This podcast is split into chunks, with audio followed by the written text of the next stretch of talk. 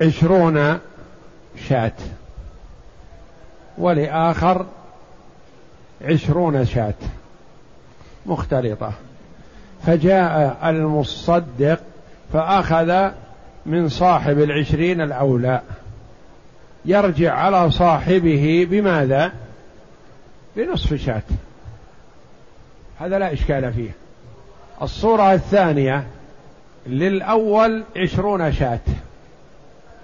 وللثاني أربعون شاة مختلطة.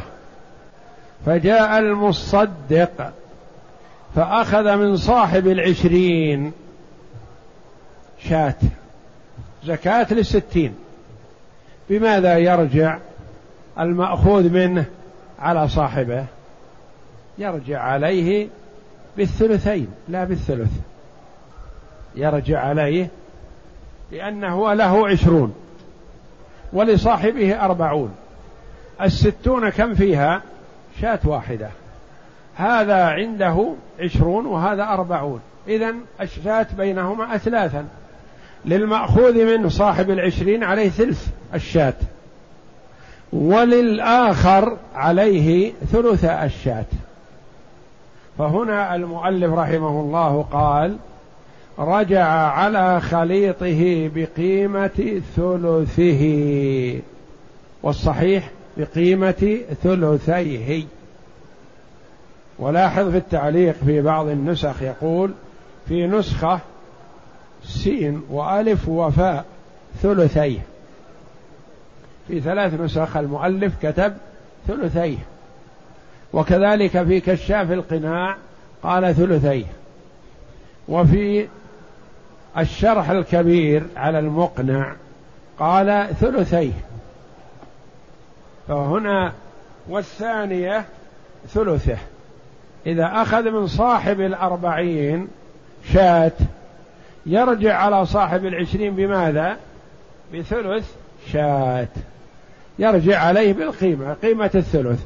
إذا اختلفا في القيمة فالقول قول المرجوع إليه يعني الغارم. لأنه هو الغارم هو الذي سيدفع إذا لم يوجد بينا وذلك كأن يقول مثلا يأتي إليه ويقول المصدق أخذ مني شاة قيمتها ثلاثمائة ريال وأنا لي أربعين وأنت لك عشرون أريد منك مائتي ريال.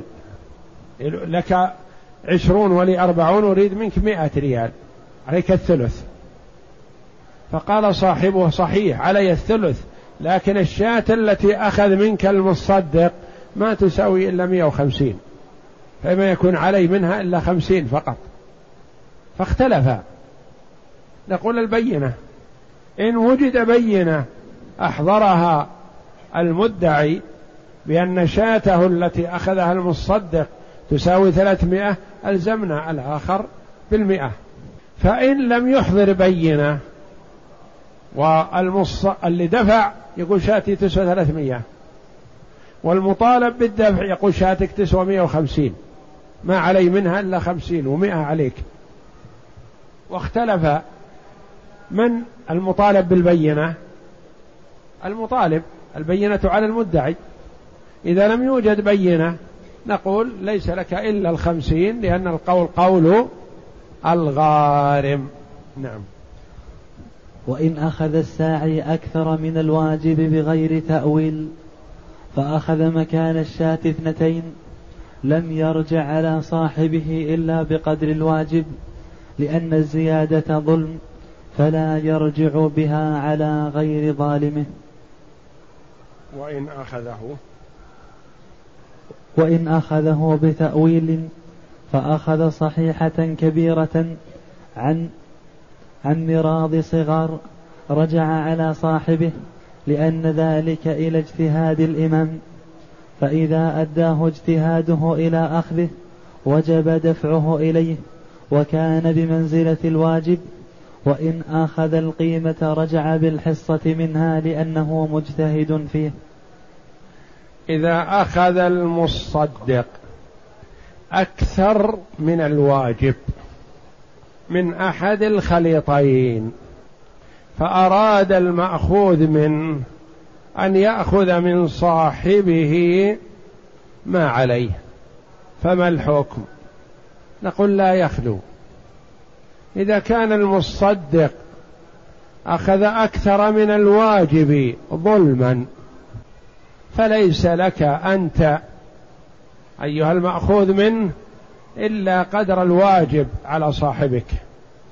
وإن كان المأخوذ أكثر من الواجب بتأويل واجتهاد فيأخذ منك بقدر حقك في هذا المأخوذ. يضح هذا بالمثال. المصدق جاء إلى الغنم. فوجدها مئة وعشرين شاة. كل واحد منهما له ستون شاة. فأخذ المصدق جاء إليها وقال هذه خير كثير. أريد منك زكاة لها شاتين. فقال هذه مئة وعشرون. ما فيها إلا شاة واحدة. قال لا ترده ولا تكلم. ادفع الشاتين. فاسترجع المظلوم ودفع الشاتين. بماذا يرجع الذي دفع الشاتين على صاحبه صاحب الستين من الغنم؟ يرجع عليه بشاة ولا بنصف شاة؟ بنصف شاة. لأن المصدق أخذ شاتين ظلما بدون حق. ما ليس له إلا شاة واحدة. على المتكلم نصف وعلى صاحبه الغايب نصف. فالمصدق ظلم صاحب الغنم وأخذ منه شاتين. هل يرجع المظلوم على شريكه؟ لا.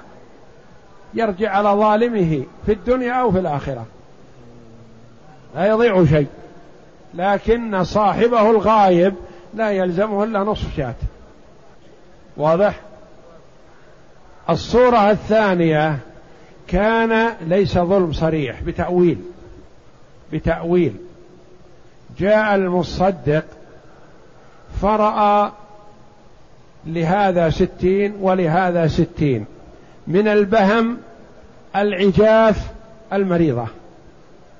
بهم يعني صغيرة ومريضة وهي مئة وعشرون.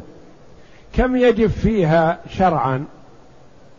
يجب فيها شاة والأصل والأبرى للذمة أن يأخذ من عين الموجود شاة لكن لا المصدق أخذ بالقول الآخر أن العجاف وأن الصغار ما تجزي.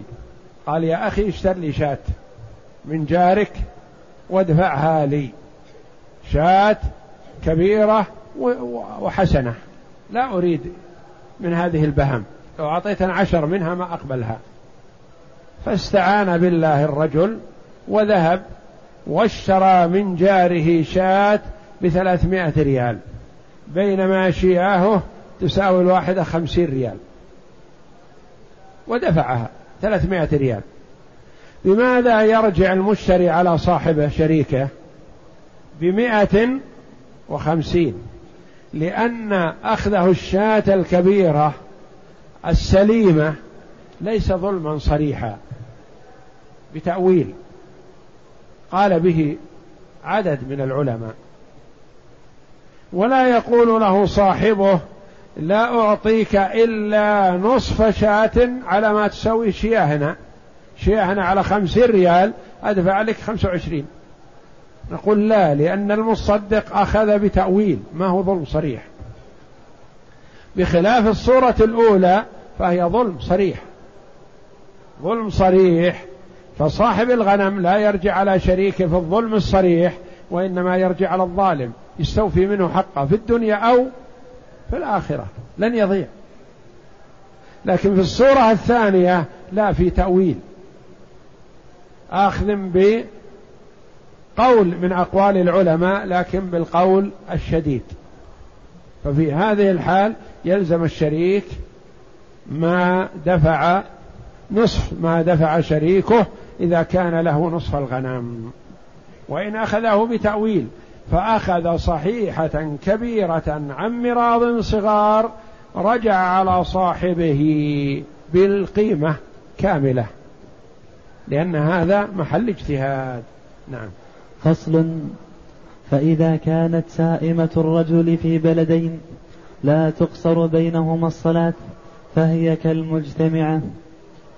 وإن كان بينهما مسافة القصر فكذلك اختاره أبو الخطاب لأنه مال واحد يضم بعضه إلى بعض كغير السائمة.